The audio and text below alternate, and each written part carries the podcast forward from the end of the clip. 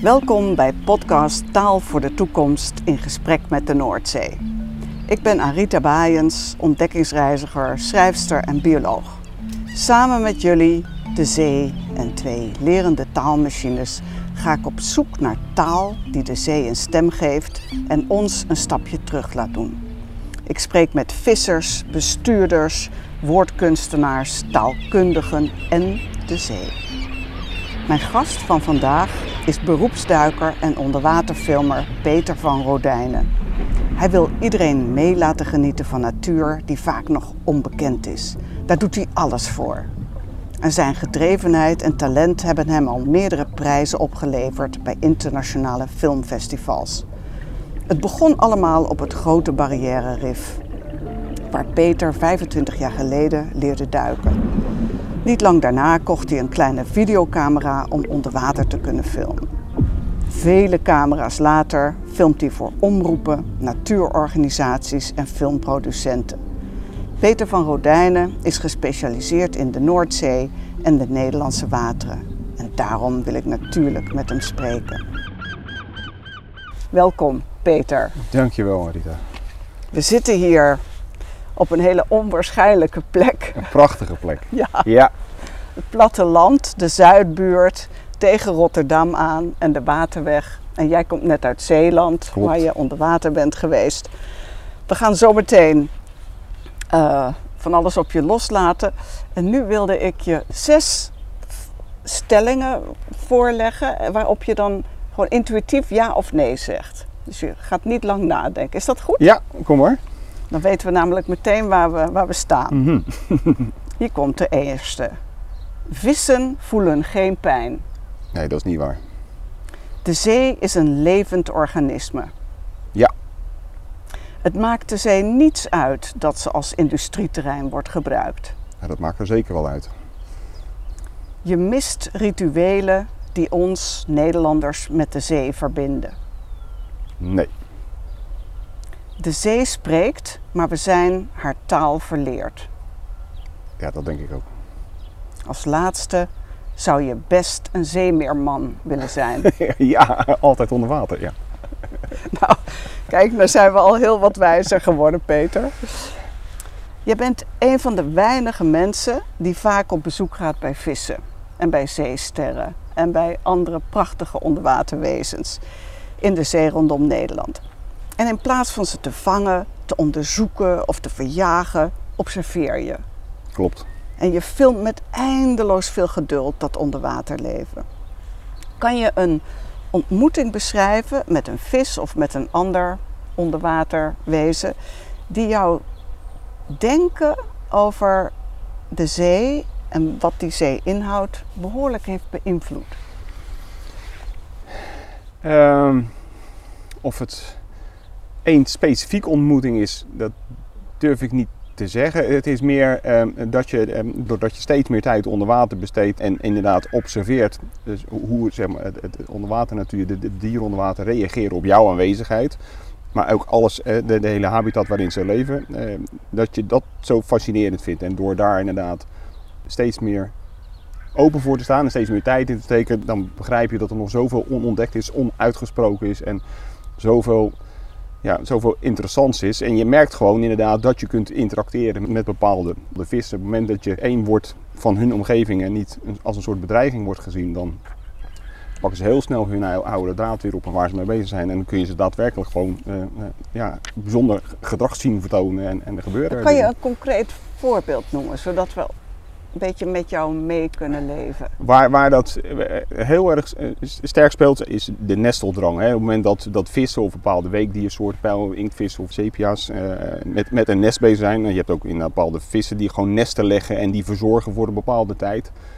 Je merkt gewoon dat je daar als duiker vrij makkelijk bij kunt komen. En, en nou, op het moment dat je daar gewoon gepaste afstand houdt, dan, dan, dan blijft paps, over het algemeen is het paps die de nesten verzorgt, die, die blijft daar zijn ding doen, die blijft daar druk zorgen dat zijn nest van, van, van honderden eitjes uiteindelijk eh, na een aantal weken uitkomt. En ik neem aan dat het dier jou wel ziet. Ja. Geeft hij of zij daar ook, eh, ja, hoe zeg je dat, eh, uiting van? Nou, in eerste instantie wel. Hè. Kijk, jij, jij verschijnt ten tonele en dan ben je een groot object in, in zijn territorium, een grote schaduw. Vaak voor de filmen heb je toch iets van een lamp of een licht nodig en daar reageer je op. Dat zie je direct. Maar op het moment dat je daar, ja, dat je alles rustig houdt en niet schichtig houdt, dus je installeert het en, en je laat het zijn wat het is, dan, uh, ja, dan pakt hij heel snel de draad weer op met waar hij mee bezig was. Jouw eerste benadering, daar reageert hij op en dan vaak heel kort daarna pakt hij zijn oude draad weer op. En, en, of ze zijn bezig met een paring, of ze zijn bezig met het nest, of nou ja, dus ze gaan weer door met waar ze mee bezig waren.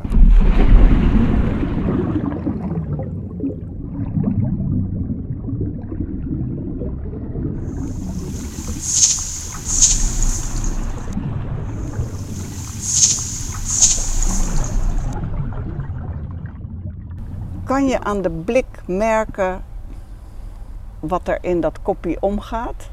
Of tenminste. Het is, Ja, of het een blik is, dat weet ik niet, want die ogen staan over het algemeen, de meeste ogen staan altijd open. Maar je ziet een bepaalde lichaamshouding of lichaamstaal, een bepaald soort gespannenheid. Hè. Vinden die wat wij hier staan, de rugvinnen die omhoog komen. Dus eigenlijk een soort staan van paraatheid om weg te schieten. Want je wordt vaak aangezien als een, als een vijand. Dat is mijn interpretatie van zijn reactie.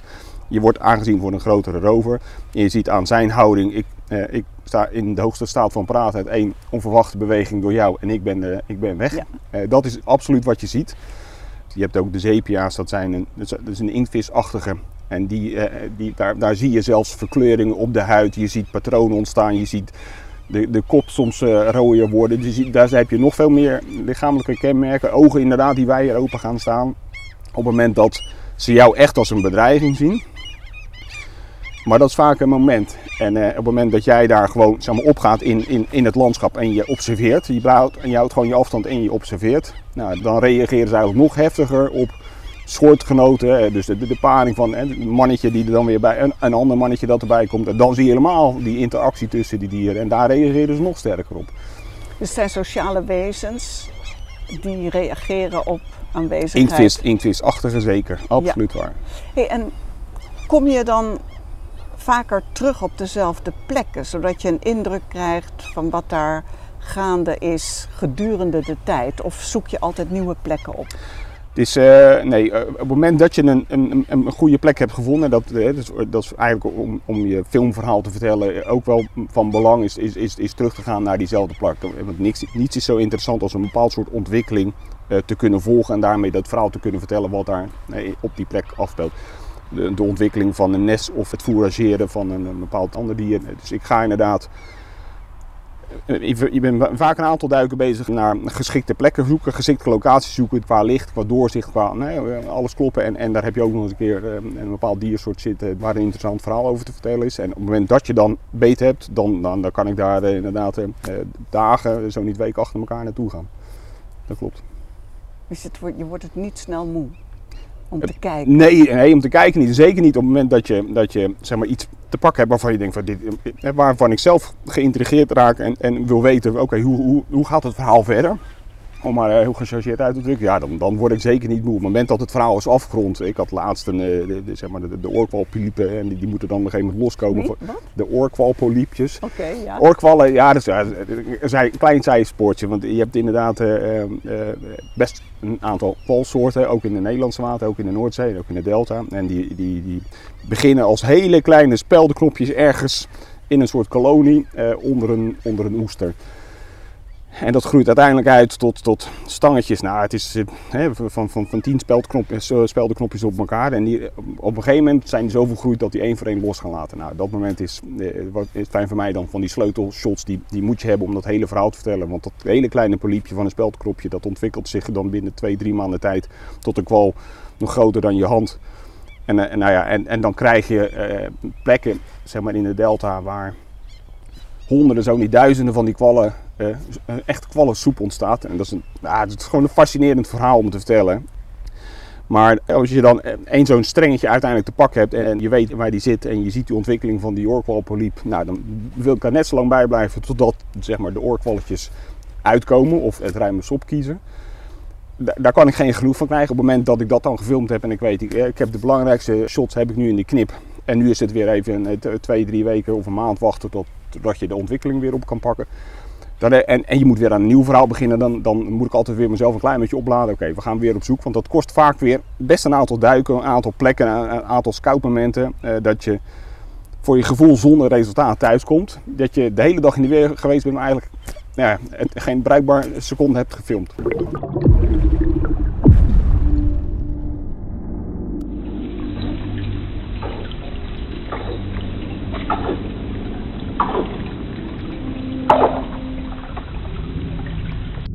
Dat leven onder water is ons wezensvreemd. Klopt. We kunnen ons niet echt goed voorstellen hoe een vis of een sepia zich voelt. Om te observeren zoals jij het doet, te, te weten wat er waarschijnlijk gaat gebeuren en waar je moet zijn om dat te kunnen filmen, moet je toch in de huid kunnen kruipen van zo'n dier. Ja. ja. ja. Heb je dan het gevoel dat jij sepia's en andere vissen beter begrijpt dan ik? Wel een, wel een beetje, omdat je ze inderdaad in een, in een hele setting, en niet alleen maar hè, zoals jij een foto zou kunnen zien, maar gewoon in een hele omgeving zou kunnen zien. En je ziet inderdaad dat hele gedrag. Uiteindelijk zijn het dieren en is het heel basic hoe ze reageren, hoe ze acteren. Dus, dat wat je zeg maar met een, nou, een, geit in de wei of, of, of een, een, een, een hert op de Veluwe zou kunnen. Ja, dat, dat is allemaal basisdierlijk gedrag. Dat, dat geldt ook wel voor, voor de dieren onder water. Maar het, eh, eh, daar hebben ze een, eh, eh, zeg maar de driedimensionale wereld van het water is, is dan toch anders. En omdat, omdat ik er zoveel. Ja, omdat je, je ziet het gewoon echt om je heen gebeuren en je ziet het totaal. Dan heb ik wel het idee dat ik het iets beter begrijp dan de mensen die dat niet kunnen zien of die daar niet kunnen kijken. Ja, kijk, ik heb hier een boek op tafel liggen. Dat heet What a Fish Knows, wat een vis weet, kent. En hierin worden ook veel voorbeelden genoemd van uh, allerlei soorten vissen, waaruit blijkt dat ze minder simpel zijn dan wij vaak op het eerste gezicht denken. Dat er persoonlijkheden zijn. De een is schuw, de ander brutaler of nieuwsgieriger. Is dat ook jouw ervaring of zeg je nou, kom, kom? Nee, ik denk, ik denk wel inderdaad dat ze karaktertjes hebben. Het is minimaal, het is niet, maar ik denk zeker dat ze een karakters hebben. En dat er verschillen zijn van één, éénzelfde soort vis of éénzelfde soort uh, onderwaterdier die, die, die, anders is dan de andere van hetzelfde soort. Ja, dat geloof ik zeker.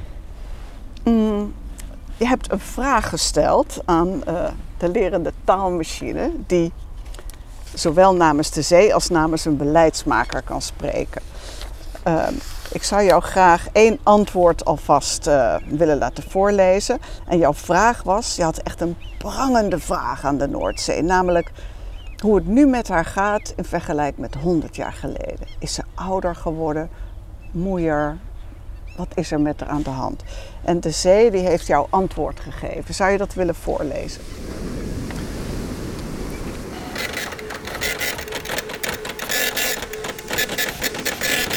De vraag is opgevangen. Dat is mooi. Het land naakt voor me liggen.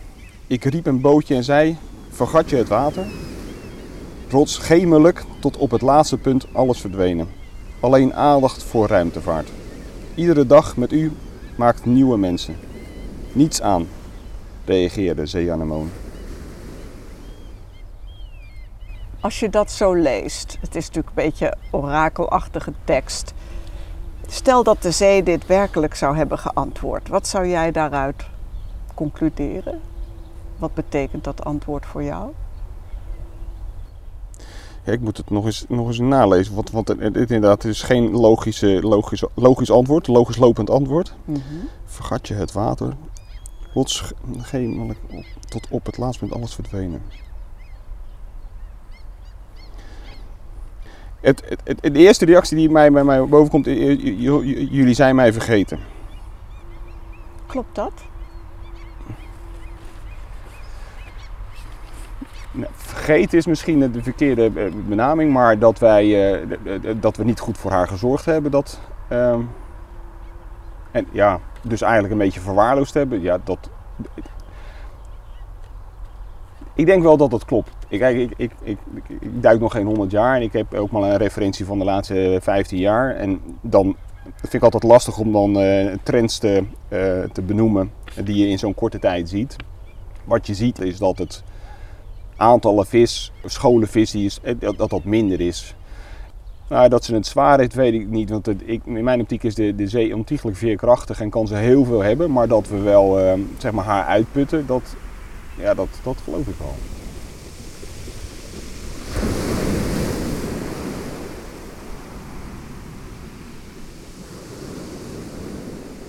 Over taal gesproken.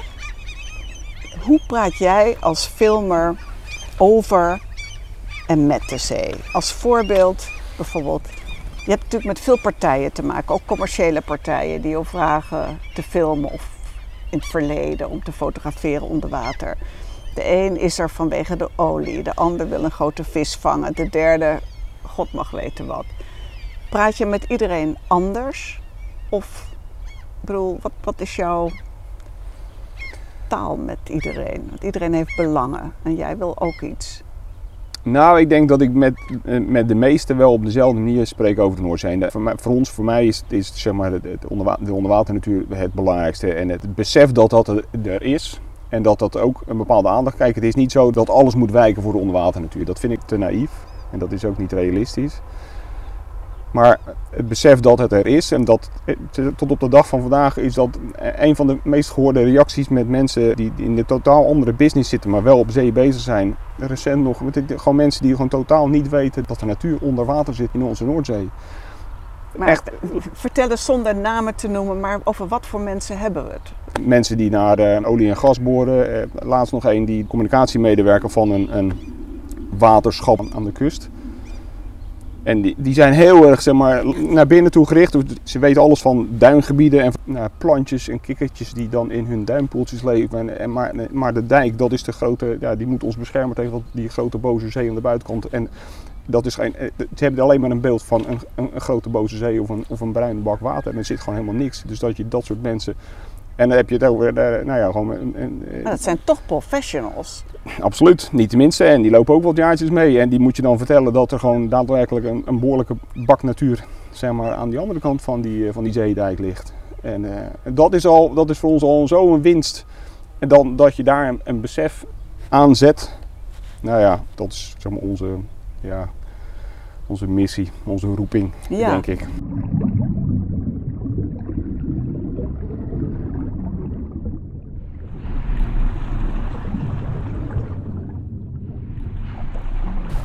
op jouw website heb ik een hele hoop filmpjes bekeken. Ik dacht, oh, de zeeduivel. En uh, ik ben alle namen vergeten, terwijl ik nog een bioloog ja, ja, ja, ben. Maar uh, geweldig onderwaterleven.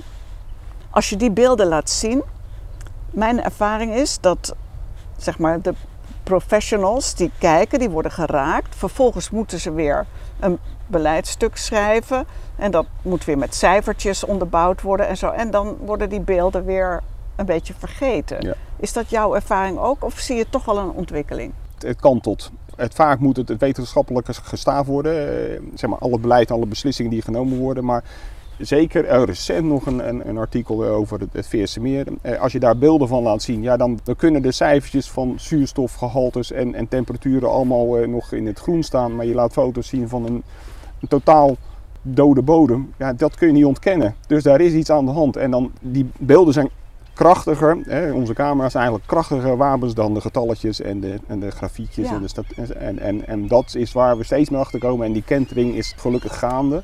Dat zal ook niet van de een op de andere dag gebeuren. Maar wij zijn ook geen, geen marinebiologen of geen wetenschappers. En wij zijn ogen onder water. En, en je kunt de beelden kun je niet ontkennen.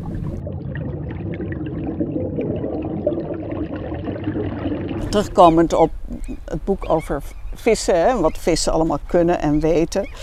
Um, er bestaan heel veel misverstanden over het leven in de zee.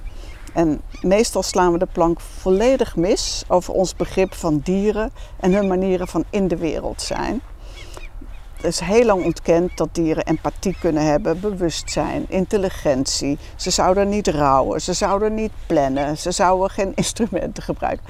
Overal waar echt gekeken en onderzocht wordt, blijkt dat niet te kloppen de octopussen bijvoorbeeld en ook vogels, die hebben een hele andere evolutie doorgemaakt, een neuraal systeem, om intelligentie te ontwikkelen.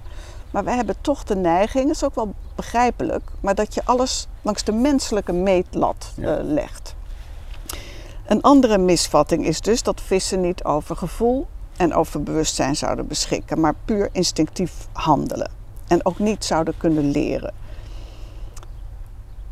Volg jij deze discussies en onderzoeken of zeg je nee, laat dat ook maar aan de ander over. Ik zie wat ik zie en ik trek mijn conclusies.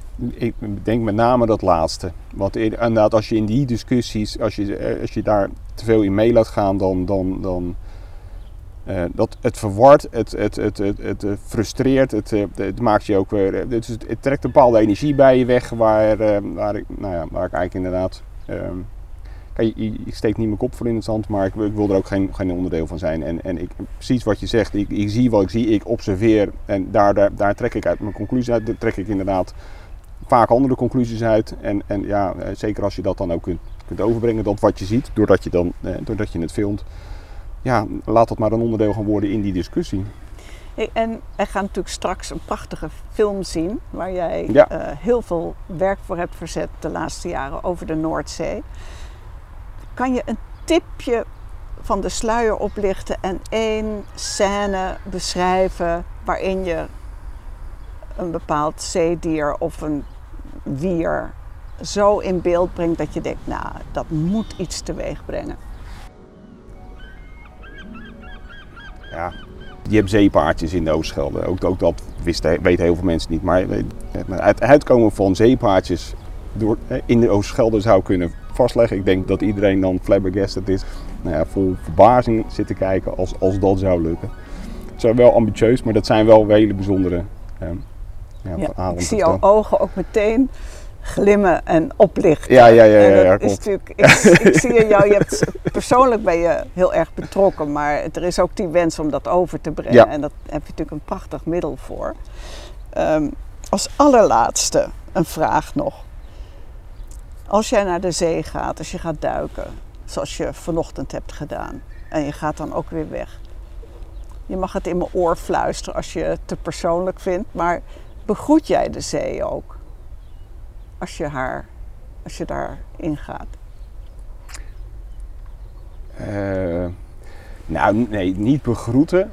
Maar ik ben, ik ben altijd wel, en, zeker als je op zee bent, uh, want ik weet hoe, hoe nou ja, wispelturig de zee kan zijn. Hè. Dat je dan de gelegenheid krijgt en dat zij je toelaat om, om daar te duiken. Want voor mij is de zee inderdaad ook echt wel een soort. Het is niet dat ik haar begroet, maar het, het, het is wel. Ze, ze moeten ja, toestaan dat je daar vaart, dat je daar, dat je daar uiteindelijk onder water en dat je gewoon weer veilig en heel boven komt. Want uiteindelijk is dat toch nou ja, wel het allerbelangrijkste. Ja, dat je daar indirect onbewust daar toch een soort dankbaar voor bent. Dat, dat zeker wel. Ja, ik, dat is ook heel mooi geantwoord. Ik bedoelde ook niet hallo zee, maar dit is ook een vorm van begroeting, maar woordeloos. Ja, ja klopt. Beseffen dat je ergens te gast bent. Klopt. Ja, maar dat, dat heb je sowieso, uh, vind ik bijna altijd, als je daar onder water bent. Hè, is, je zit in, in, eh, in, in, in een omgeving die voor de mens nou ja, eigenlijk totaal uh, niet natuurlijk is. Dus het feit dat dat kan en, en, en, en dat je daar gewoon weer heel uit uitkomt en weer met een hoop verhalen, een hoop kennis, een hoop weet ik veel, herinneringen, wijzer weer naar boven komt. Ja, dat, dat is al heel waardevol. En zeker in een, in een zee als de Noordzee, die, die ook heel veel andere kanten heeft, absoluut waar. Dankjewel, Peter van Rodijnen. En wanneer gaan we de film zien? Uh, 2024. Nou, fijn dat je gekomen bent.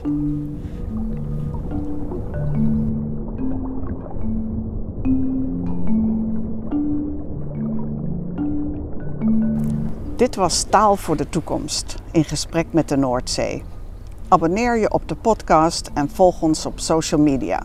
Daar kun je ook een vraag stellen aan de beleidsmaker en de zee. Een boodschap doorgeven kan ook. Deze aflevering kwam tot stand in samenwerking met Gerrit Kalsbeek, geluidsbeeld en montage. En ik ben Arita Baaiens.